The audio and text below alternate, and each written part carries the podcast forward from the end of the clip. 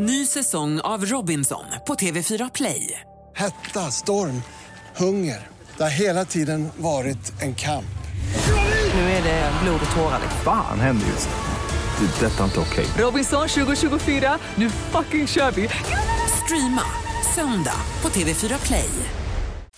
Hej, jag heter Gry Forssell och du lyssnar inte på radiostationen Mix Megapol. I alla fall inte just nu, för du ska ju precis höra ett nytt avsnitt av Mord mot mord. Men först vill ju vi säga hej. Hej, hej, det här är NyhetsJonas. Det här är Carolina Widerström. Och här är Gullige Dansken. Ja, och så Gry då, då. Det vi vill säga är att när du har lyssnat klart på den här podden, då får du gärna lyssna på våran. Vi spelar in ett nytt avsnitt varje morgon av våra podd Kvartsamtal. Och hela radioprogrammet blir ju också en podd om man är väldigt morgontrött eller så. Just det, om man missar morgonen ja. Men mest av allt så får du gärna lyssna på programmet i direktsändning varje morgon på Mix Megapol. Live varje morgon från klockan sex och då har vi med oss massor med vänner också. Thomas Bodström, Babben Larsson, Johan Pettersson, Christian Luuk. Massor med coola människor som bara dyker upp och gör livet bättre. Ja, som jag, Gullige Dansken. Exakt så. Och så mycket bra musik och annat skoj såklart. Så vi hörs när du vaknar på Mix Megapol. Podplay.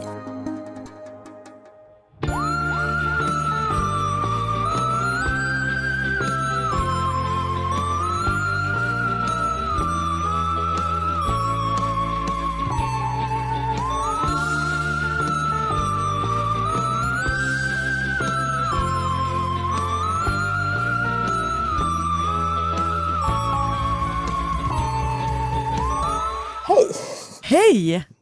Vänta, jag håller inte min mikrofon. Hej! Det blev förvirrat där. Jag höll i min mobil men inte i mikrofonen. Nu håller jag i rätt mojäng. Det är som att du liksom ringer till alla lyssnare personligen. Ja. Hej, det är Anna igen. Hej. Hej det, hej, det är Anna och Karin. Det var en kompis till mig, eller det är en kompis till mig som hon är fortfarande min bästa vän, i Lund när vi bodde där. Ska du prata om mig nu? Om, ja, precis. Min, fast en annan version av dig. Ja. Ja. Ehm, hon, när vi bodde i Lund, när hon skulle ringa taxi, vilket är sjukt att man egentligen åkte taxi i Lund, mellan typ, för det är ju pyttelitet. Ja. Ehm, så brukade hon, på, liksom, när hon, vi hade druckit och var lite I gasen. I gasen, så brukade hon säga hej det är jag, när hon ringde till taxi, till taxi för att beställa taxi. Funkar Och det det? tyckte vi, ja men liksom, till slut så var de väl tvungna att så här, vad heter du? Men vi tyckte att det var så himla kul. Det är ändå mysigt tycker jag. Det är en härlig, roligt ju. liksom, ja, det är liksom en härlig bild av världen på något sätt. Ja, det är jag som ringer nu. Nu är det jag som ringer. Du, Eh. välkomna allihopa till Mord mot mord. Det är Karin och Anna som ringer. Det är vi som slår en signal. Alltså Ja. också typ, förstå, tror du att Kul våra, att du som hatar att prata i telefon. jag har ändå pratat i telefon flera timmar med dig varje vecka. Ja, intressant. Och även då med typ 30 000 lyssnare. Så att så jävla rädd är jag tydligen inte Nej, att det är du inte. telefon. Nej, det är det inte. Men då tycker jag att alla Det våra KBT. lyssnare... Du, alla får vara med på ditt KBT, din KBT-behandling. Verkligen. Eh, jag är så liksom öppenhjärtig med Mm. mina utmaningar. Nej men jag tycker också att alla våra lyssnare ska känna sig så speciella. Mm. Alltså med tanke på hur mycket jag drar mig för att prata i telefon. Med typ Verkligen. alla jag känner. Ja, Eh, så att... Eh, varsågoda. Varsågod, varsågod era jävlar. Eh, nej, men det faktiskt. Alltså en sak som jag tänkte på idag, eller som jag tänkt på Mm. idag. Mm. Jag ska säga typ att någon gång i månaden nästan, inte riktigt, Mm. men nästan, så är det alltså någon i våran Facebookgrupp Mm. som, skriver så här. Är jag den enda mannen som lyssnar på den här podden?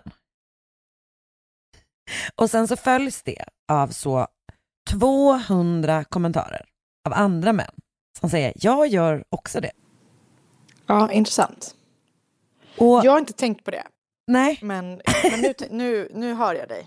Och det är intressant, jag håller helt med. Ja, alltså jag fattar typ att det är så här, ja, det är ju så att, alltså, det är ju en, eh, liksom en, en eh, det är ju fler män, nej kvinnor än män som skriver i vår Facebookgrupp. Så är det ju. Mm, så är det. Eh, och jag tror att det är fler kvinnor än män som lyssnar på podden också. Eh, Ja. Men framför allt så tror jag att liksom aktiviteten i Facebookgruppen är väldigt, liksom, är ovanligt stor andel kvinnor kontra män om man jämför med andra Facebookgrupper. Mm, så är det nog. Men är det typ bara att män är så ovana vid det? Att de är ensamma? Ja, exakt. Ehm, Att de inte ja. är dominerande. Det är säkert, ligger säkert någonting i det du säger. För att det händer så ofta och jag, jag är liksom, jag har börjat fundera på det, vad, vad, var det kommer ifrån helt enkelt. Ja, men det är intressant. Kan du, jag håller helt med dig. Kan du, Men jag har inget bra eh, svar på det. Som min psykolog i den här KBT-sessionen, Mm. eh, komma med ett svar tack. Du Eh, som är liksom daughter of a psychiatrist. Eh, precis. Kan du dra lite Eh, han är, han är, han är, in, eh, han är eh, psykoanalytiker. Vad heter det på engelska då? Psychoanalyst. Kanske. Han är, man kan säga det på svenska. Vi säger det på svenska, för vi är ju en svensk podd. Det, det är vi faktiskt. Men som svar på det då så kan jag inte säga det eftersom han då inte är KBT-terapeut. Nej, nej just det. Så har jag inte så stor inblick i det. Men om du vill gå i sån eh, 20 års eh, psykoanalys så är jag din go-to guy. Men om, Girl. om eh, de här då, eh, alltså är slutresultatet av att jag går i 20 års eh, psykoanalys, att jag sen vet varför den här typen av inlägg Jag i. Facebookgruppen är så återkommande? Jag tror det. Alltså, jag, man vet kom, man, jag antar att man hinner fram till typ ganska många saker om man går i terapi i 20 år. ja, men jag tror 20 år tror jag inte är en rekommendering. Utan det är Alltså, då i tror- underkant. För dig underkant. Jag tror inte man ska gå samma mm, psykolog i 20 år i alla fall. Nej. För det tror jag blir någon sån beroendeställning. Just Men det. jag vet inte. Det här är gissningar. ah, ja men gud, vad håller vi Ja, men- annars på med? Vi har ju pratat om att ta med pappa så får han svara på eh, hur Stockholms gator såg ut på 60-talet och nu även då det här kanske. Just det. Men vi får ha ett specialavsnitt. Ja. Kanske typ när jag så eh, födde barn ja. så kanske det är att du och din pappa, alltså att din pappa går in som vikarie för mig. Det kommer bli så spännande. Hur mysigt? Ingen, ja. Fast jag kommer All, bli tappa, så avundsjuk. Vi kommer tappa 80 8 procent av våra... men jag kommer bli så avundsjuk, alltså på er båda. Jag kommer vara avundsjuk ja. på din pappa för att han tar liksom min roll, men jag kommer också bli avundsjuk på dig för att du får podda med din underbara pappa. Ja, han är så gullig faktiskt. Han är faktiskt urgullig. Mm. Om man får säga så, det får man. Det får man väl? Ja, det tycker jag också. Ja, bra. Um, ja, hur mår du? Jag mår bra. Vi eh, sågs ju igår. Jag får inte säga vad det var vi gjorde, men vi sågs ju igår. Du får säga det. Du får säga, vet du vad? Säg det nu en sista gång. Vi hade sommaravslutning med Mord mot mord igår och du hatar när jag säger så. Men jag hatar när du säger att det är en coronasäker sommaravslutning. Men det var inte... Igår så sa du du måste sluta säga så. när jag bara sa att det var sommaravslutning. Det, Och då känner jag... jag tycker att det är så kul att du säger att det är sommaravslutning. Men det är ju Vi det. är två goda vänner som ses. Jag vet, men... Oj, vad är det som händer? Det var, det, var det det, var, det var ett klipp som dök upp på min data när jag scrollade. Vad fan, sluta scrolla du. För Jag vet, tror du att det förlåt, känns för mig när jag pratar i telefon med dig? Jag är, inte, jag, är inte din, jag är inte din terapeut, jag kan inte ta ansvar för det här. Eller det kanske just det som är en exponering. Vad är det som händer när någon är nonchalant i telefonen? Ja, alltså vet du vad? Det Hur tror jag, du det? Det är sådär tror jag.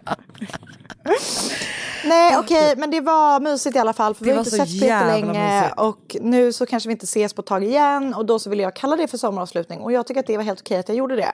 Det var det. Det var framförallt en underbar dag. Det var underbart. Det var så var jävla underbart. jävla mysigt. Mm. Alltså, eh, Mer sånt. Mer sånt. Jag kände, det var det första jag kände. När ses vi igen? Snart, Jag vill, Karin. du vet vad, det kanske var därför Anna. Jag vill inte att det skulle vara en avslutning. Nej, okej. Men det var, en, eh, det var ett vårfirande då. Tack! Det Känns känns, det bättre? det känns Ja. toppen för mig. Bra. Det var, vi hade mord mot mords vårfirande och det var underbart. Ah, det var Hur mår du? Jag mår toppen, eh, tycker jag. Jag eh, har väl absolut ingenting att komma med i den här podden, höll jag på att säga. Det tror jag inte på. Det Jag har liksom inget, eh, jag känner att jag får så himla lite intryck i livet typ. Men det får man ju. Så är det ju. Ja, men så Varför? är det väl. Många tror jag. Men en sak som gjorde mig, som jag tycker piggade upp väldigt mycket, eller som, gjorde mig som har gjort mig glad idag, eh, är ju att ehm, jag och Markus gav ju Sigrid och er en present som var ett par väldigt coola Ja, solglasögon. Ja, och sen så gulligt. la du upp en väldigt fin bild på henne när hon hade på sig dem. Mm. Och då var det någon som skrev att hon hade typ så Ken Brennan energy. Ja, det var väldigt roligt. Alltså det gjorde mig så glad. Det var väldigt kul. Också för att det är så kul att tänka att Sigge typ är en sån privatdetektiv som kör in på en motorcykel fast i pytteformat. Det är så jävla gulligt. Ah, det är så jävla gulligt, jag får panik. det var väldigt gulligt faktiskt. Jag blev väldigt glad Ja. av den kommentaren. Så att jag vill bara ge Ja. props till den personen som skrev det. Ja, det var starkt. För det var Starkt. faktiskt Stark toppen. spaning.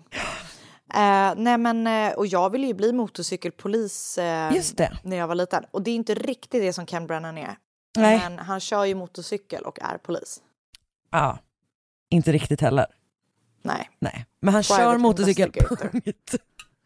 Men Eh, han reder ju upp saker. Ja men det får man verkligen Brott. säga att han gör. Han reder upp brott, exakt. Och precis som polisen gör i det bästa av samhällen. Exakt. Mm. Så. Exakt så. Ehm, Men du, Ja. Mm. har du liksom sett något? Har du några tips? Har du, har du något Hmm. sånt? Nej, alltså jag har ju börjat titta på den som du tipsade mig om och alla andra om för några veckor sedan, när Mare of Eastwood. Ja, ångest du. Den är så ångestladdad, men den är ju skitbra. Jag tror typ att det, jag brukar alltid hata att det kommer ett avsnitt i veckan. Men i det här fallet tror jag Mm. att det är lite bra. Jag tror att det är väldigt bra. Är, Eh, är för jag, jag klarar inte ens av att se ett avsnitt i ett svep. Det gör ju jag väldigt sällan i och för sig. Jag tittar ofta upp, jag delar ju ofta upp det i 20 minuters intervaller. Oj, Till Oscars stora fasa. vidrigt att kolla på tv. Vi, kan inte, vi kollar ju aldrig på någonting tillsammans. Nej. Vi kanske ser, för att, för att det går inte. Eh, däremot har vi sett eh, Snabba Cash ihop. Just det, jag har inte sett den. Nej, den Hur- är, vi såg sista avsnittet igår. Ja. Den är ju också sjukt ångest alltså. Så där ville Oscar bara se ett avsnitt gången för oftast vill han se liksom allt på en gång som Mm. finns att se. Och det hatar jag. Ehm, Han, men den han är, vill bingea. han vill bingea. Ja. Och jag hatar också det uttrycket. Ja. För det känns typ som att det är så här. Det känns som det är 2015 till att börja med. Ja, och så känns det typ som att det är så här. En, det är liksom en väldigt så här föräldraaktig grej att säga. Det, det du försöker säga är att Oscar är en boomer. Absolut. Jag vet inte om han använder det uttrycket i och för sig, men i hans beteende så är han väl det. Ja, Jag fattar, jag fattar. Jag såklart eh, Scott and Bailey igår. Ah, vad tyckte du då? Alltså, Hur sjukt var det inte att det bara slutade rakt i? men sista säsongen hade ju också en helt annan ton. Ja. Den var liksom mycket mörkare, den såg också helt annorlunda ut. Den var fortfarande väldigt bra fast det var liksom en helt annan grej. Näst, Mm. alltså alla säsonger, jag skulle säga säsong 1 till 4, bland det bästa jag har sett i genren. Mm. Sista säsongen, mm, Nej, jag vet, det händer någonting där. ja det gör verkligen det. Men, men, men jag undrar så mycket vad det är som händer. Varför bara slutade de helt Ja men för jag började typ googla lite på det. Mm. Och det är också så att typ sista säsongen har jävligt bra tittarsiffror så att jag fattar liksom inte varför det, varför det bara tog slut typ. Men eh, alltså det är mer typ att de bara, den är förnyad, nu kommer den i tre avsnitt typ. Ehm, men det, antagligen ville de väl bara sluta. Vilket måste ju jag vara i och för sig verkligen respekterar. Det respekterar jag också, men, Inte på det de, sättet. men det var helt sjukt. För det var som att det var helt ofärdigt. Ja. Ja, Visst var det så? ja, alltså de bara på slutet. Det var jättekonstigt. Ja, och så bara, nu går vi hem. Nej, men, men det jag verkligen vill säga är så här. Det var en underbar upplevelse att ha den serien som man kunde Mm. lägga så mycket tid på och allting var så jävla bra. Och det var så Mm. välskriven och det var otroligt. Ehm, jag, om det är så att någon sitter inne på liksom ett liknande tips på det Mm. sättet att det är liksom krim, en krimserie med flera säsonger som man kan plöja på det sättet som man kunde göra med den här. Som inte är lika jobbig att plöja. Nej, exakt. Och jag tror att man tjänar på att det både är båg över hela säsongen, men att det är ett Mm. nytt fall i varje typ. Eh, Då vill jag ha sådana tips. För att Det det, är har liksom varit, det, det var, har varit så tryggt för mig. Alltså det är en sån jävla trygghet när man väljer en serie och man vet om, här finns det fem säsonger. Eh, det vill jag ha och jag tror typ att jag kommer behöva kolla på as mycket tv nu för att jag typ ska vara så, min sista del av min graviditet. Ja, och sen då, då- när jag också är föräldraledig har jag ju lärt mig av dig att man hinner kolla på en del tv. Absolut. Så, att, eh, så att det vill jag ha, liksom många säsonger, hög kvalitet, eh, krim, men också typ personlighet. Alltså du vet, den är så helgjuten. Den Ja. är verkligen det. Den är verkligen bra. Jag håller helt med. Ja, så I agree. Om någon har sådana tips kan ni väl tipsa mig om det tack.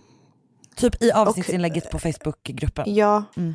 och mig. Och även dig. Men jag kan, jag, vet om, jag kan skicka vidare de tipsen till dig om du inte ser dem. Ja, tack. Ja, bra. Eh, Jag får ju väldigt sällan notiser från vår grupp på Facebook. Det kanske du får hjälpa mig med.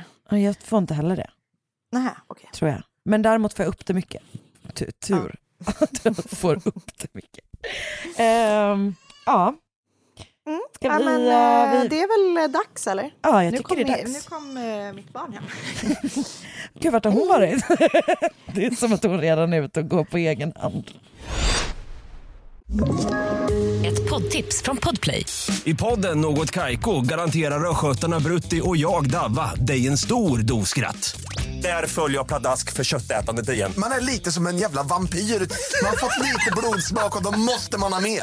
Udda spaningar, fängslande anekdoter och en och annan arg rant. Jag måste ha mitt kaffe på morgonen för annars är jag ingen trevlig människa. Då är du ingen trevlig människa, punkt. Något Kaiko, hör du på Podplay. Därför är gardinerna.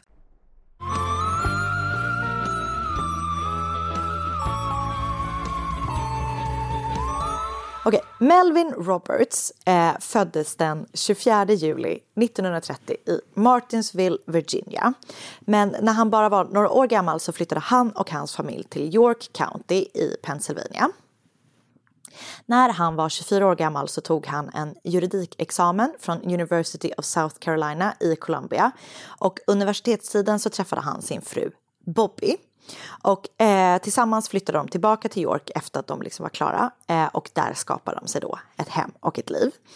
Tillsammans fick de eh, två söner som döps till David och Ronnie. Melvin blev både välkänd och omtyckt i York. Eh, han var till och med så liksom eh, känd, eller vad man ska säga, så att eh, gatan som han boddes på eh, blev döpt efter honom. Så den Wow. kallades för Roberts Avenue. Eller Robert Street, jag kommer inte ihåg. Det måste man ligga för, med för att liksom få, få det att hända Ja, här i Årsta. Jag tror att, eh, jag tror att, eh, jag, jag, jag tror att jag har, jag tror att jag har det. Jag kommer dit. Okej, bra. Nej, jag skojar. Nej, men, eh, han öppnar eh, typ en juridik eller advokatbyrå och han hjälper eh, jättemånga i stan. Och enligt hans familj så har han liksom ett väldigt starkt rättspatos och han ställer eh, ofta, eller han ställer upp för liksom, folk, eh, ofta och gärna. Och han företrädde gärna människor som var mindre fortunate än vad han själv var. Och han brydde sig liksom inte om om de inte kunde betala för sig, utan han var liksom så här, behöver du hjälp så är jag din man, oavsett vad typ. Wow.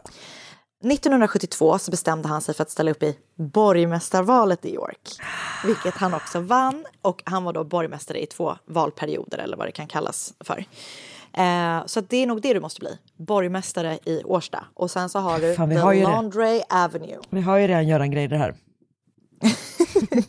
Damn it! Har han, gra- har han Grader Streets? Alltså han borde. Eller hur? Greider Eh. Square. Ja, man vill ju hellre ha ett torg tycker jag än en gata. Verkligen. Om man nu får välja. Jag tror inte man får välja. Eller en Eftersom- park. En för just park nu har vi ingenting. Sandell. Fast det finns en gata som heter Sandelsgatan, fast det är med ett L, så den kan jag väl inte riktigt claima då. Men ehm, ja, kan ju... Men vi kan gå dit och klottra till det ett- till. Ska skriva dit ett till L, ja. Bra.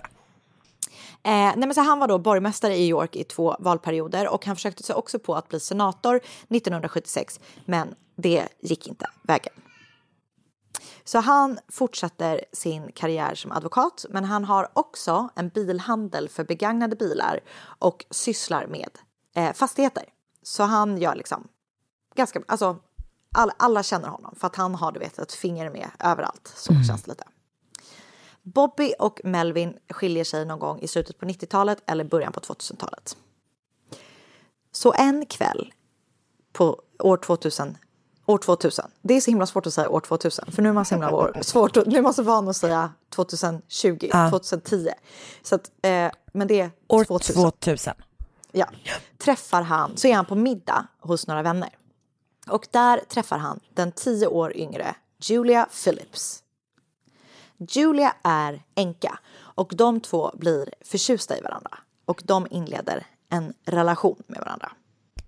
Och eh, Julia är liksom en petit, liten piffig kvinna. Och hon beskrivs i eh, både artiklar och poddar och, som, och dokumentärer som jag har lyssnat eh, och sett och läst som en Southern Belle. Dröm. Och, då, och Melvins söner tycker så här jättemycket om henne. Och de, hon beskri, de beskriver henne som att hon är bubbly personality. Och hon kan cook och du vet sådana saker. Men det är väldigt roligt för att i en, eh, i en podd som jag lyssnade på så säger eh, sönerna då att hon kan laga mat. Och då så säger intervjuaren så här every man, every, um, ja, way to every man's heart. Och då så säger en av de här jätte ehm, eh, s- liksom sydstatsmännen or woman och det tyckte jag ändå var härligt att han var liksom så att han ändå liksom var så så här ja det är faktiskt Det det, är kanske är även- vägen till även alla kvinnor. människors hjärta Även kvinnor har magar. exakt så det tyckte jag det bara- hade han ändå han rätt liksom en woke southerner. Exakt så. Um, Okej, men så där, hon liksom blir en del, alltså de gillar henne de, hon blir snabbt en del i familjen och typ flyttar in i, hos Melvin och sådär. Hon har en son sen innan, alltså en vuxen son, alla barnen är ju vuxna liksom. Ehm, och även om, eh, och sonen heter då Hunter.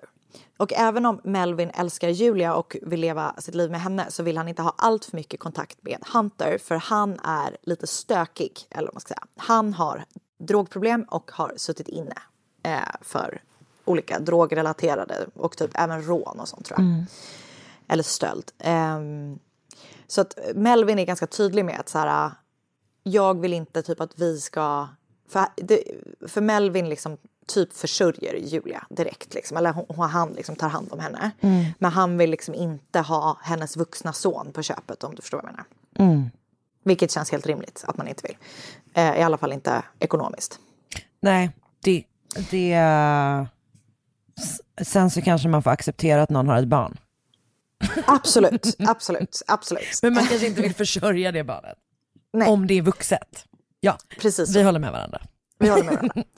Men så att ehm, då, Julia och Melvin bor med varandra och Julia är sugen på att öppna en butik som ska, där hon kan sälja då, eh, kläder och typ hudvårdsprodukter och smink. Eh, så Melvin hjälper henne med att köpa en butikslokal i Gaffney som ligger liksom, det är typ nästgårds. Eh, och där har hon då, liksom startar hon en business typ.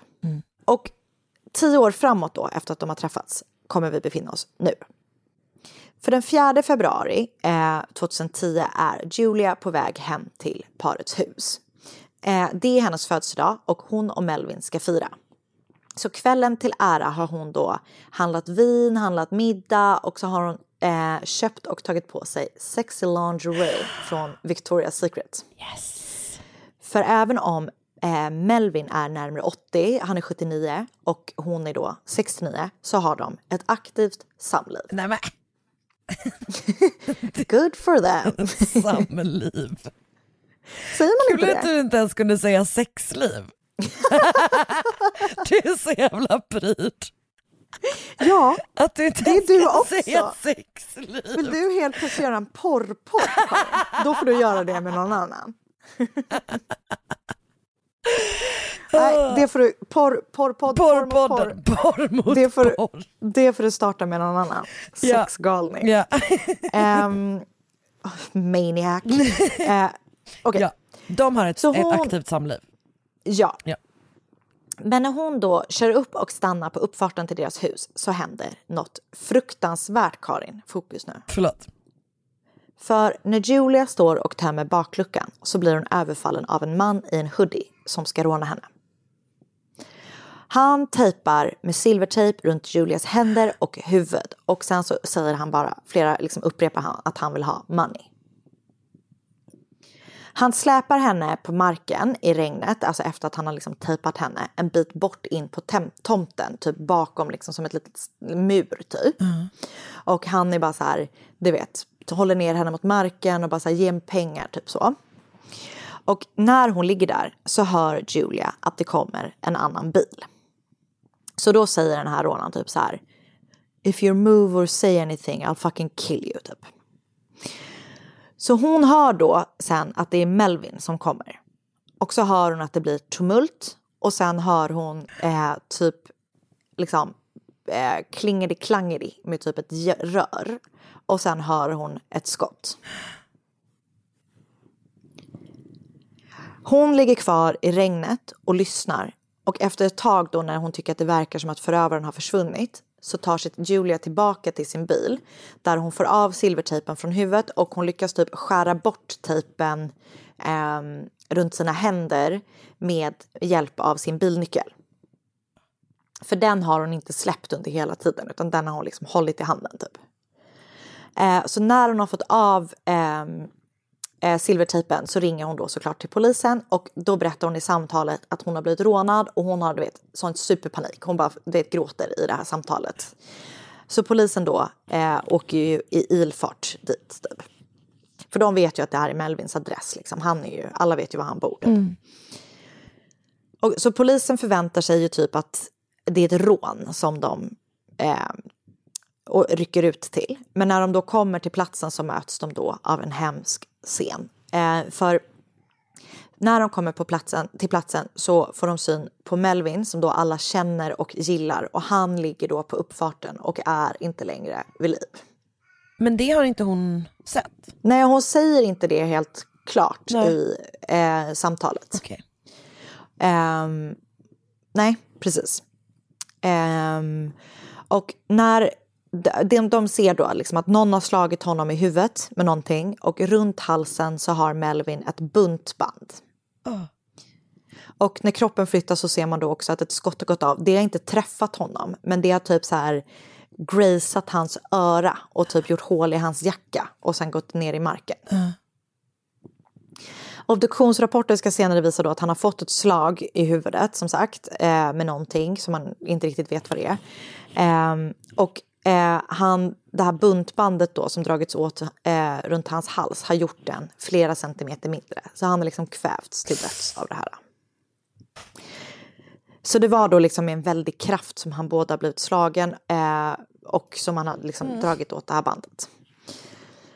På bandet återfinns senare också DNA-rester från en förövare. I övrigt så finns det liksom ingenting på platsen, inga bevis eller sådär. Eh, man hittar inga spår förutom ett par fotspår som lämnar Melvin och Julias hus och som går ut genom skogen som ligger bakom huset och sen försvinner de.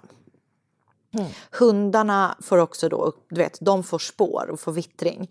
Men sen försvinner liksom bara luktspåren. Eh, vilket då tyder på att eh, förövaren har haft en bil som stått och väntat där. Så att liksom han har gått genom skogen och sen hoppat in i en bil och kört iväg typ. Eh, självklart så tar man då in Julia för att hon ska få berätta vad som har hänt. Liksom, och, sådär. och hon återberättar då det här som jag precis har berättat och hur den här då, mannen har rånat och bundit henne. Hon säger att han var antingen svart eller hade latinamerikanskt påbrå och att han hade en brytning. Polisen tycker direkt att hennes story inte helt adds up till det som de har sett på platsen. Och hon är liksom lite otydlig i hur hon berättar saker. Men de har liksom egentligen ingenting att gå på. Så de börjar liksom undersöka alla sorters leads som de kan tänkas ha. Du vet, all, de kollar upp alla som kan tänkas ha ett motiv att döda Melvin. Och den här listan är då lång. Eh, för han har, eh, även om han är jätteomtyckt så har han också en sida som liksom är ganska barsk och inte så trevlig eller vad man ska säga. Och han har även då, liksom enligt Julia och enligt hans söner och du vet sådär, upprört många som han har haft att göra med. Både liksom i sin roll som advokat, eh, du vet, han har fått, du vet, i eh, vårdnadstvister och du vet massa sådana saker. Men även då i sin roll som fastighetsägare, du vet att han har haft bråk med hyresgäster och ja, du vet massa sådana saker. Så polisen gör eh, sådana DNA-swabs och förhör och intervjuar upp mot 80 olika män framförallt tror jag att det är. Eftersom man då tänker att det måste vara en man som har liksom gjort det här. Eftersom eh, alltså Melvin var en ganska stor och reslig person och han har ju uppenbarligen liksom blivit eh, någon, någon måste ju haft kraft när de har gått på honom. Liksom. Men och hon måste ju ha sagt att det var en man också. Exakt, Ja, det sa hon ju. Ja. Eh, jo, men de Sen tänker vet man typ ju så aldrig. Nej, och de typ tänker typ, för han hade haft ett bråk där han hade verkligen alltså varit så när sönerna återberättade, han var så oförskämd mot en kvinnlig hyresgäst. Så de typ, du vet, så här, kan det vara hennes man? jag Den fattar. mannen har alibi och så här. Men du vet, de, de följer upp liksom alla sorters lid som de har. Ah.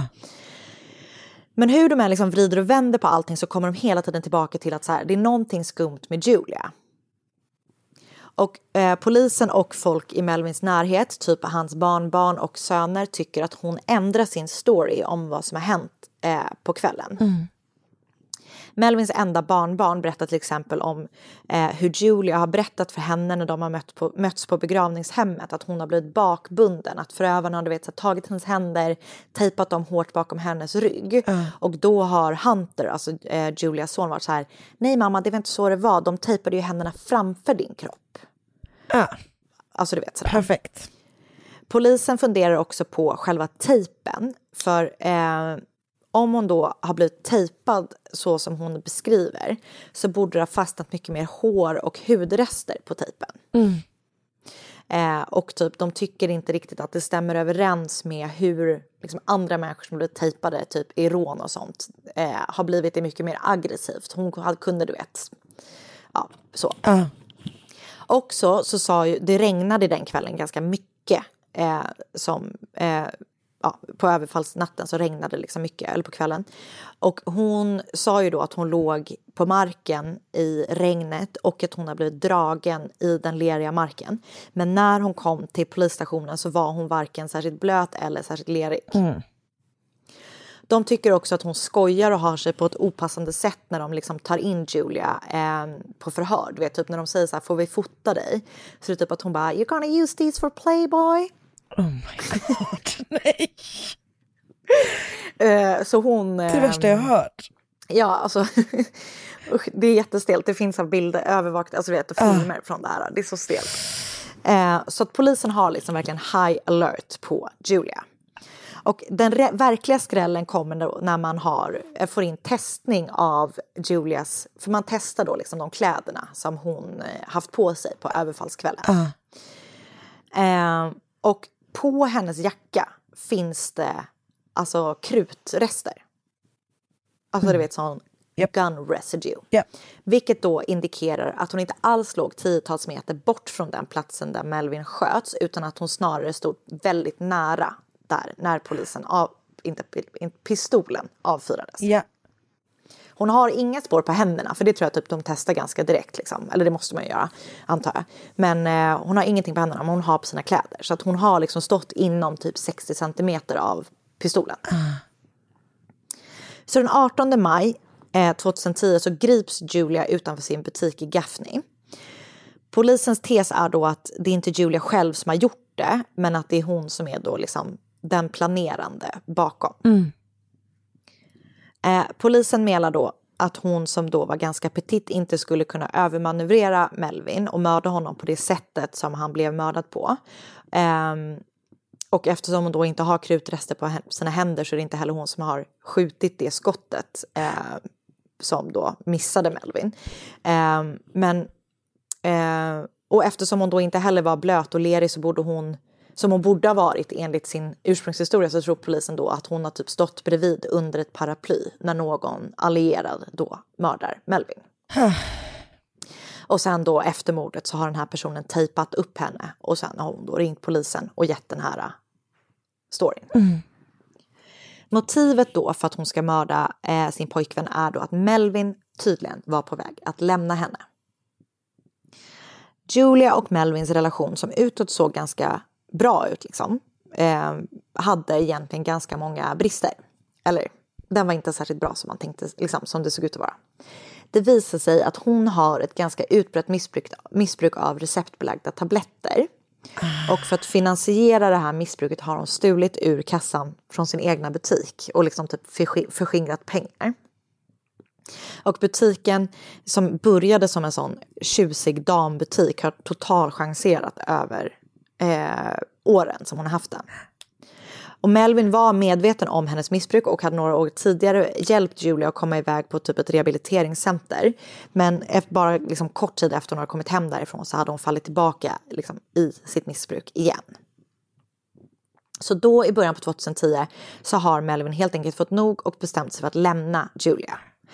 Han har rent av berättat för henne och sin familj att han har bjudit med en annan kvinna på en kryssning som han skulle åka på. Nej. Jo. Så taskigt sätt faktiskt ändå. Och bli dumpad. Och bli dumpad på. Bara, du vet den här är- kryssningen vi skulle åka på, jag kommer ta med mig en annan. Exakt. Ja. Så jäkla... Ja, det... Inte för att det försvarar någonting. Nej men ändå. gud nej, absolut inte.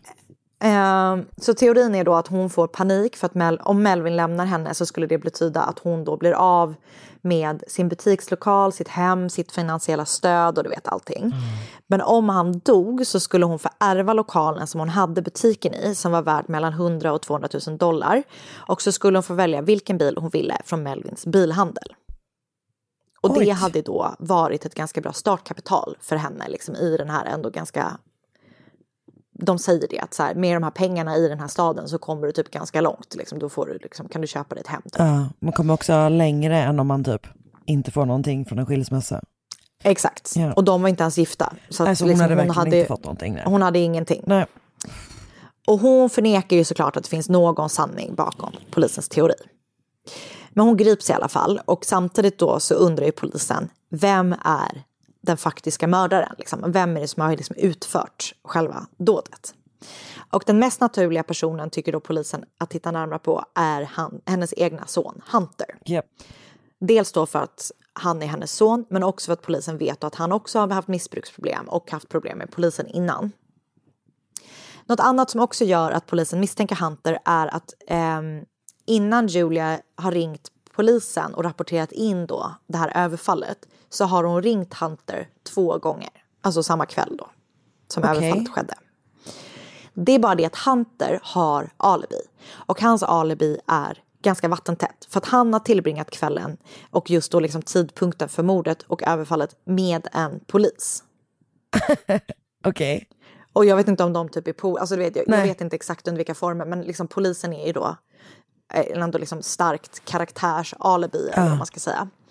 Och när de går igenom Julias telefon och dator och du vet allting som man kan tänka sig gå igenom så hittar man liksom inga spår efter att hon ska anlitat någon som har Alltså det finns inga konstiga transaktioner, inga konstiga pengauttag, ingen kontakt med någon som känns suspekt. Det finns liksom ingenting. Men också om, för jag tänker att det hon behöver är ju någon som typ har skjutit eller som har utfört det här liksom dådet medan hon Mm. har stått bredvid. Men varför skulle hon då ringa honom om det är han som har gjort det? Nej, jag vet inte om hon typ ringer. Det, det Ja, jag tänker ja, mm, det skulle vara typ så här, har du kommit iväg ordentligt? Kan jag Ah. typ ringa polisen nu? Eller du Ah, just det, just just det. Hur Jag långt vet borta är du typ? Ja. Det skulle, ja, mm, jag fattar. Mm. Men eh, de tycker att det är konstigt. Ja. Jag tycker också att det är lite konstigt att man inte bara direkt ringer. Fast jag hade kanske kunnat typ så ringa Oscar om jag blivit rånad. Ja, alltså det jag tror jag. polisen. Ja, men också bara för att man inte riktigt funkar som man ska typ i en Nej. liksom, så chockartad situation så tror jag också att jag eh, då hade ringt upp dig och våra 30 000 poddlyssnare innan jag... Ja men det var ju som när jag krockade med min mammas bil och istället för att prata med dem som jag hade krockat med så ringde jag till pappa och grät. medan de stod utanför. Oscar fick sköta snacket, han var så jävla irriterad på mig. Ehm, Eh, ja, men man nej, gör så ju att- konstiga saker med det liksom. det är faktiskt sant. Ja.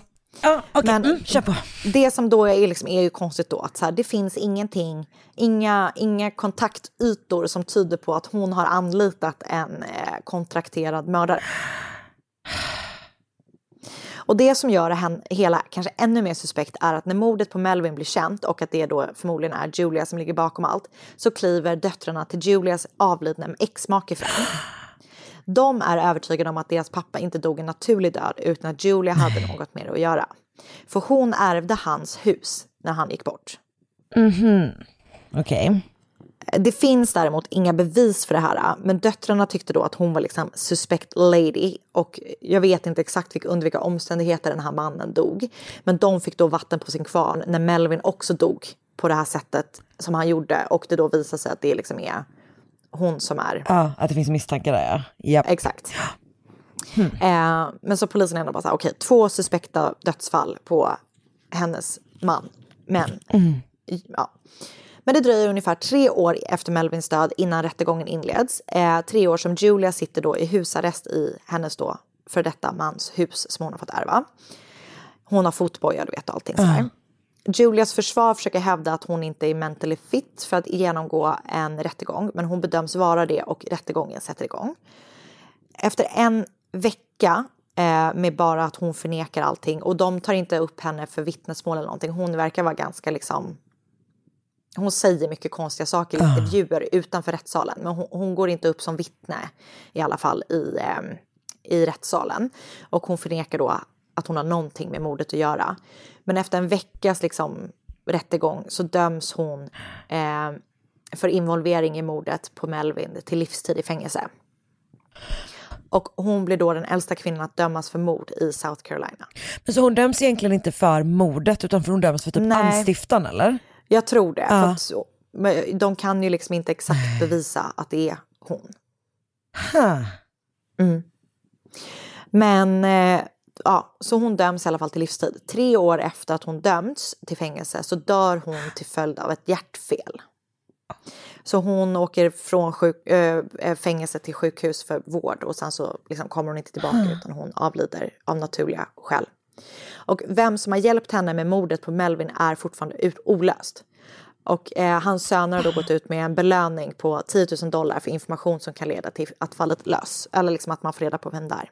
Men det har än så länge, vad jag kan läsa mig till, inte lett någonstans. Vad fan? Mm. Eller det känns så, Så sjukt. jävla konstigt att man inte, om man nu Kan är så här, hitta någon. Ja, att man är så här, det var hon som anstiftade, det har vi dömt henne för. Mm. Eh, och som sagt då att typ hennes, hennes son misstänker man är inblandad, men det är inte han som kan ha gjort det då. Nej. Då känns det så jävla sjukt att man inte sen ska kunna typ dra vidare i tråden och bara, ah, där. Nej, exakt. Och, men hon har typ inte velat förhöras i fängelse och sen så dog ju hon Ja. och du vet så här. Så att de, jag vet inte. Men man hittar i alla fall ingen, vilket känns så himla sjukt. Jävlar. För det känns ju som att alla åker fast till slut. Alltså verkligen. Ja, ja, ja. Och framförallt när det inte är några sådana här mästar... Alltså det här är ju inga liksom mästarkriminella, nej. om du förstår vad jag Nej. menar. Exakt. Jävlar vad konstigt.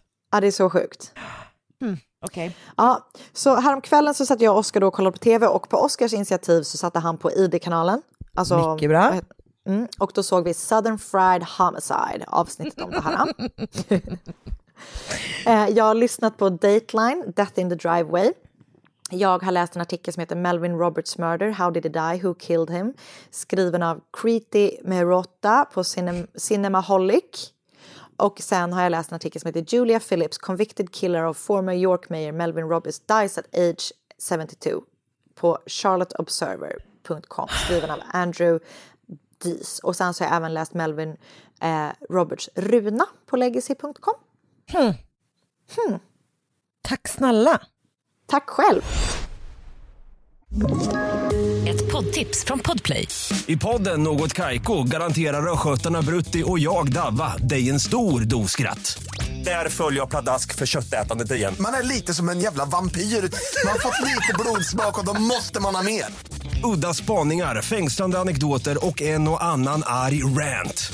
Jag måste ha mitt kaffe på morgonen för annars är jag ingen trevlig människa. Då är du ingen trevlig människa, punkt. Något Kaiko, hör du på Podplay. Därför är gardinerna.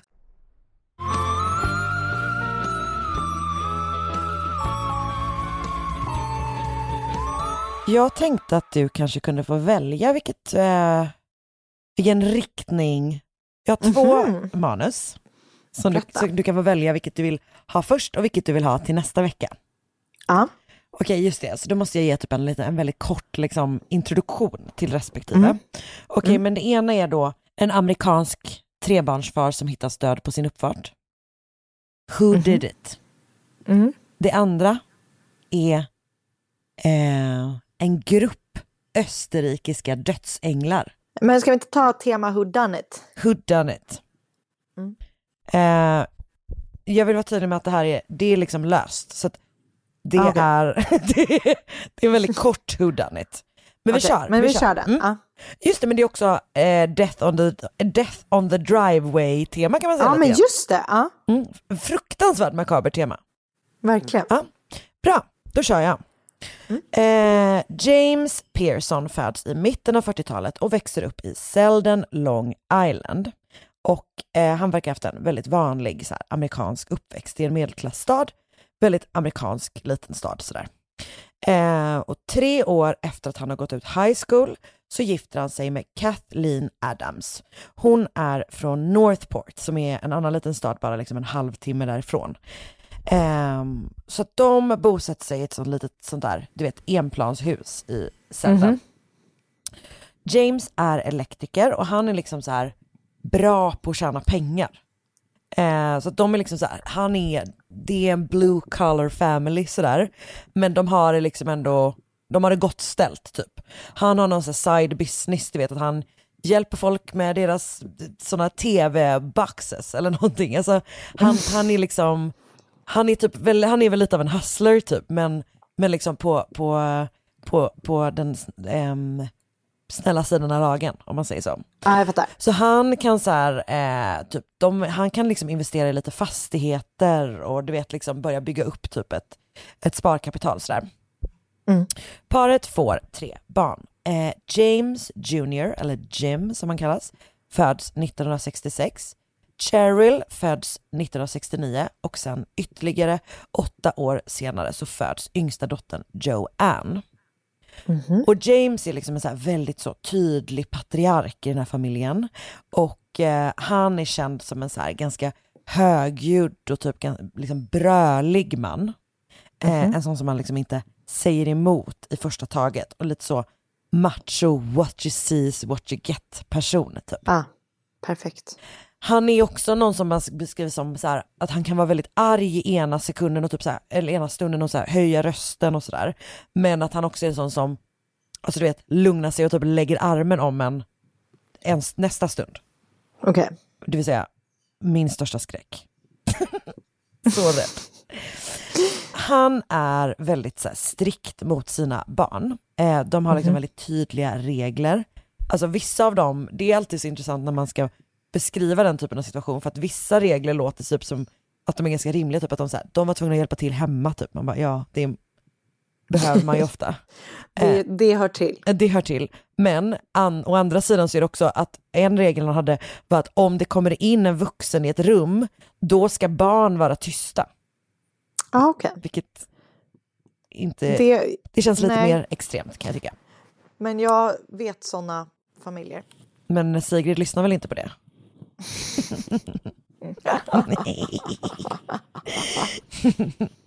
Eh, men han är liksom, ehm, han är, han, alltså han styr liksom sin familj med typ järnhand. Och han kan så här, du vet, hota sina barn med typ stryk framför andra. Vilket jag tänker ändå, fy. då har man liksom ändå kommit en bit på vägen typ. Ehm, och samtidigt så är han så här, så att om, han, om de gör någonting han inte gillar, då typ hotar han dem med stryk. Men när han typ gör, när de gör saker han gillar, då ger han dem massa presenter. Eh, så Åh, att han, gud. Ja, du fattar. Ehm, I slutet av 70-talet så drabbas den här familjen av en väldigt stor sorg. För 1979 så får Kathleen en njursjukdom som eh, kräver liksom intensiv behandling. Hon ligger på sjukhus i vissa perioder och andla, eh, i andra perioder så handlar det väldigt mycket, alltså en ganska stor del av familjens eh, av, av familjelivet är att liksom så här hon behöver åka fram och tillbaka till olika läkartider eh, och till sjukhuset och få olika behandlingar och sådär. Ehm, så att det blir en enorm sorg, som, men det är också liksom en situation som sliter väldigt mycket på familjen. Sådär. Ja, verkligen. Usch vad hemskt. Och de väntar också typ på att hon ska få en transplantation som liksom aldrig kommer, vilket verkar vara en fruktansvärd jävla Ah. limbo liksom, tillstånd att vara i typ. Och det tar ehm, nästan sex år, men till slut så dör då Kathleen den 13 februari 1985. Och James sörjer liksom sin fru något enormt, men är också typ så här, alltså han är mm, nästan som arg typ för att han liksom blir lämnad ensam med barnen och hela deras liv och ta hand om så här. Och ehm, när hennes mamma har, är sjuk så har Cheryl, mellandottern alltså, eh, hon är bara tio år gammal när hennes mamma blir dålig. Och hennes lilla syster Joanne är då bara två. Så i Okej. takt med att Kathleen blir allt sämre så tar Cheryl allt större ansvar hemma. Mm. Eh, jag antar att man helt enkelt inte ser det som att typ James Jr bör hjälpa till, PGA typ Mm. snubbe. Eh, men han är Ja. också typ äldre och när Kathleen väl dör så har han redan hunnit så här, gå ur skolan och flyttat ur, ur huset. Och Ah, okej. han är också en aspiring rock musician. Men då så. Han har ju fullt upp som du förstår. Verkligen. Eh, Cheryl å andra sidan har eh, fullt upp för att hon har då väldigt mycket ansvar för både sin lilla syster som eh, när Kathleen då väl går bort är åtta år och hon har också liksom då stort ansvar för hemmet och du vet så här, gör typ, sköter sysslor och och, och liksom, ja, men hon, hon tar jättestort ansvar helt enkelt. Och hon är Mm. 16 då. Hon fyller, hon fyller vad 16 tre veckor efter att hennes mamma dör. Och, så att hon är ju liksom jätteung redan när hon börjar leva typ som en fullgod vuxen, eller förstår du vad jag menar liksom i den här Ja. familjen. Eh, och men hon kommer också sin pappa så här väldigt, väldigt nära liksom. Mm. Eh, och hon går då alltså på high school och är liksom en väldigt här, populär och omtyckt tjej. Hon är framåt, rolig och var med. Det går bra för henne i skolan. Hennes plan är att hon vill, hon vill plugga till beautician, vilket jag tror är typ kosmetolog, eller? Ja, jag skulle Något åt det hållet. det. Ja, Ja. jag tror det. Och hon går då på Newfield High School, vilket är samma skola som hennes pappa gick typ 20 år tidigare. Mhm. Hon är cheerleader. Och är väl helt enkelt liksom in with the crowd. Yeah. Har jag skrivit mitt manus, eh, helt på egen hand. Bra. Eh, hon, hon får, jag tror att det är strax innan hennes mamma dör, eh, så får hon eh, sin första pojkvän. Robert Cuccio som går sista året på samma skola. Så han är, om, jag, vet inte, jag är osäker, jag tror att han är två år äldre. Och Robert är också så här populär och de två kommer varandra väldigt nära, inte minst då för att han finns där för henne när hennes mamma dör. James, stränga, stränga James, är liksom inte helt inne på idén att Cheryl ska ha en pojkvän. Nej. Inte så förvånande kanske. Nej. Men som du vet så är det så, så svårt att stoppa young love. Det vet jag. Det vet Allt om. så de pratar liksom så här massor i telefon, de ger varandra små presenter i skåpet i skolan och eh, James bestämmer då att de får inte umgås själva, men Robert, eller Rob som han kallas, får komma hem till familjen Pearson efter skolan så att de så här kan umgås lite mer allihopa, vilket ju Mhm. Känns som stelt umgänge. Men, men han vill väl liksom veta vem hans, hans dotter är med. Men det kan jag, enkelt. alltså även Ja, om man ja. verkar vara väldigt sträng så köper jag faktiskt Det är klart att man vill veta vem ens, vem ens dotter eh, umgås med. Liksom. Och, eh, men han är så här, han har väldigt, väldigt mycket regler helt enkelt. Och Robs föräldrar tycker typ så här, okej men han är kanske lite, lite onödigt strikt, men är också så här, han har precis förlorat sin fru och han försöker typ så här, skydda sina, sin dotter. Det är typ också ganska Ja. förståeligt. Mm. Ehm, och allt eftersom 1985 går så kan de i alla fall så här, först, men först umgås, han, han, är det typ att Rob är kanske med här, familjen Pearson och bovlar typ. Men till slut så börjar James acceptera mer och mer att de är, att de är ett par och de får liksom börja här, träffas mer, lite mer själva på helgerna och sådär. Okej. Julen 1985 blir då familjen Pearsons första utan Kathleen och de är då på julafton hemma hos Robert och hans föräldrar, the Cuccios. Mhm. Och det är Mhm. första gången de träffas liksom. Och eh, själva juldagen så är de hemma hos James syster Marilyn och den 4 januari 1986 så fyller James 42 år och hans döttrar ger honom en rakhyvel och rakblad samt en flaska rakvatten. Cheryl och Joanne bakar en tårta tillsammans och Cheryl önskar sedan en låt i hans namn eh, från en lokal radiostation. Och han blir Okej. typ så här, du vet, det samtalet blir så, caller of the day, så att han typ får så eh, två stycken, du vet, middag för två på typ en lokal mexikansk restaurang. Eh, en månad och en dag senare, den 5 februari 1986, är en kall morgon i Selden och som vanligt går James upp tidigt vid sex på morgonen för att åka till jobbet. Innan han går hemifrån så kollar han så att Cheryl är vaken för att hon försov sig dagen innan och har kommit sent till skolan liksom. Eh, och sen så går han liksom hemifrån och Cheryl går upp strax efter och ska då släppa ut familjens hund. Eh, men när hon så här kollar ut genom ett fönster i hallen så ser hon hennes pappa liggande med ansiktet mot marken på garageuppfarten. Men gud. Och hon springer då ut till honom och liksom så här skriker på honom men får ingen reaktion alls. Så i panik så bankar hon på i, på en grannes dörr. Och grannen är så här, skickar in både henne och Joanne som också har kommit ut som är liksom eh, 8-9 år gammal. Och bara så här, gå in i huset igen och sen så ringer grannen polisen och de skickar då både, ja, både polis och även ambulans. De är på plats vid, eh, vid sju. Och de försöker då, eller ambulanssjukvårdarna försöker rädda James liv med hjärt och lungräddning, men det är för sent. Ja. Under James sprider sig liksom en stor blodpärl, för han har då skjutits med fem skott. Oj. Ett i huvudet, fyra i bröstet. Okej. Jättekonstig grej är att ingen har hört skotten. Det är konstigt. Ja, för att de bor ju liksom i ett så här, alltså villaområde typ. Men Men de har har väl något. haft en eh, sån muffler? Ja, en sån, exakt, att det är precis en sån ljuddämpare på antar jag. Mm. Jag vet faktiskt inte det, men det måste de ju ha haft typ. Eh, men det är ändå så jävla konstigt för att det är så många, många skott och jag tänker typ att så här, vid liksom halv sju-tiden så bör ändå folk vara vakna. Ja, nej typ. verkligen. Ja. Eh, men så är det i alla fall. Ingen har hört något, ingen har sett någonting. Ehm, och nu har då både liksom James Jr, Cheryl och Joanne förlorat båda sina föräldrar inom loppet av ett år. Tre dagar senare begravs James och hans son och eh, Elsa dotter skriver då, de skriver liksom en eh, sån minnesruna eller vad det heter som, som prästen läser upp. Och eh, där de bland annat skriver så här. Our dad was strong-willed but soft-hearted. He treated some people like a brother or sister and some people like a daughter or son. He was our best friend. Och polisen började då förstås utreda vem som mördat den här liksom hårt arbetande trebarnspappan som liksom då just blivit enkling. Och han var som sagt så här, en burdus man, en man som man absolut kunde störa sig på. Men man kan inte hitta några så tydliga fiender. Ehm, de är först då övertygade om att mordet har, måste ha utförts av en professionell, alltså av en hitman.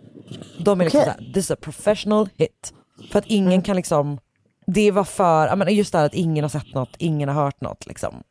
Men man hittar liksom ingen shady business, alltså du vet så här, att, att hitta, alltså som kan vara anledning till att det här har hänt liksom.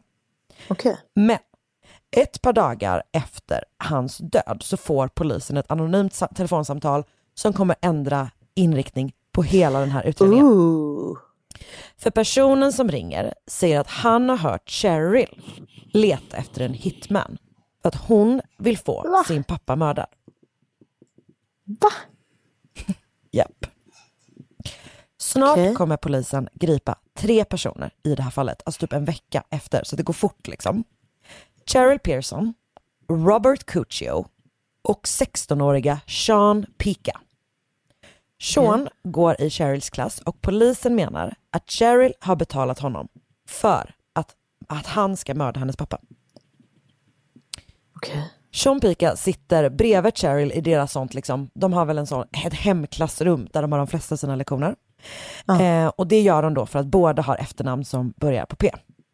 Han är eh, så här, skötsam high school kid, han är scout, han har en flickvän sedan ett bra tag tillbaka och håller vintern 1986 på att förbereda sig inför en snickeritävling som han ska vara med i.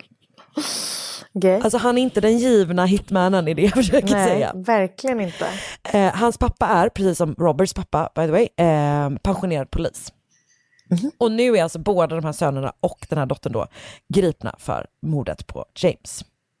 Och de kommer också snart erkänna vad det är som har hänt. För det visar sig att Cheryl ett par månader tidigare kommit in i det här klassrummet som de delar eh, medan det liksom så pågått en diskussion bland hennes kompisar eh, utifrån en typ en artikel om en kvinna som har låtit hyra en hitman för att mörda hennes man. Och den här mannen har då under lång tid liksom förgripit sig på henne och eh, hon har typ till slut varit så här. Nu ska jag ta in en hitman och sen så, jag vet inte ens hur det gick i fallet men, men de typ pratade om det och Cheryl bara så här, vem skulle ens göra något sånt liksom? Och Alltså Sean- lite i förbifarten.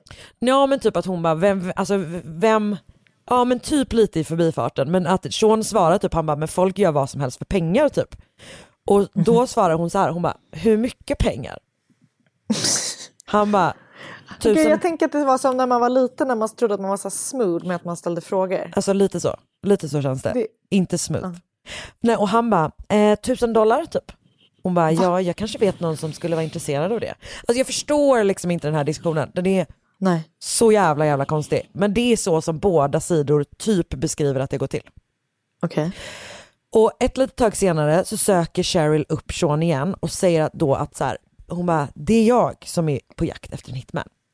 Nej. Jag tänkte kolla om du kanske skulle vara intresserad av att döda min pappa. Men gud, jag orkar inte det här. Och sen går det liksom tre månader och han har någon slags misslyckad plan som aldrig går i lås. Och sen gömmer sig då Sean bakom ett träd på andra sidan gatan och skjuter James med fem skott när han- när han är på väg till jobbet. Shit. Och alla som känner familjen Pearson är då i chock över att så här, Cheryl har gripits för det här mordet. Men när de får reda på vad motivet är så blir de ännu mer chock- chockade. För när man liksom påbörjar den första rättsprocessen och typ materialet från det kommer ut ehm, så visar det sig att anledningen att Cheryl har velat få sin pappa mördad är att han under de senaste fem åren förgripit sig på henne. Och nu är hon liksom rädd att han ska börja, alltså att han ska ge sig på hennes lilla syster. Nej, på lilla systern. Cheryl berättar att övergreppen har börjat strax efter att hennes mamma blev sjuk. Och hon har typ så här, delvis har hon haft en ganska komplicerad relation med sin mamma.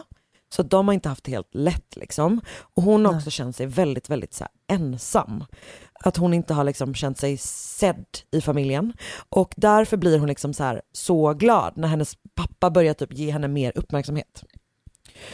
Och de sover ofta typ tillsammans i hans säng, alltså så här när, när Kathleen är på eh, sjukhus. Eh, Och typ att allting så börjar med att han typ så lägger handen på henne. Du vet när, eh, när de är på väg till sjukhuset för att hälsa på hennes mamma. Och till en början är hon liksom bara glad. Eh, men genom åren så här så eskalerar då övergreppen totalt. Och till slut så kommer han liksom förgripa sig på henne, alltså du vet det kunde vara flera gånger på en dag. Typ. Usch, fan. Och det är då när hon träffar Robert och börjar hänga mer med honom som hon börjar bli orolig att Joanne riskerar att bli utsatt för det hon har varit med om. Mm. För då hon börjar ju komma upp, hon är typ 8-9 år, alltså du vet sådär hon börjar komma upp i samma ålder när det började för henne. Ja. Och det är typ så här, hon kommer typ hem från att ha varit med Robert och ser att de typ sover i samma säng.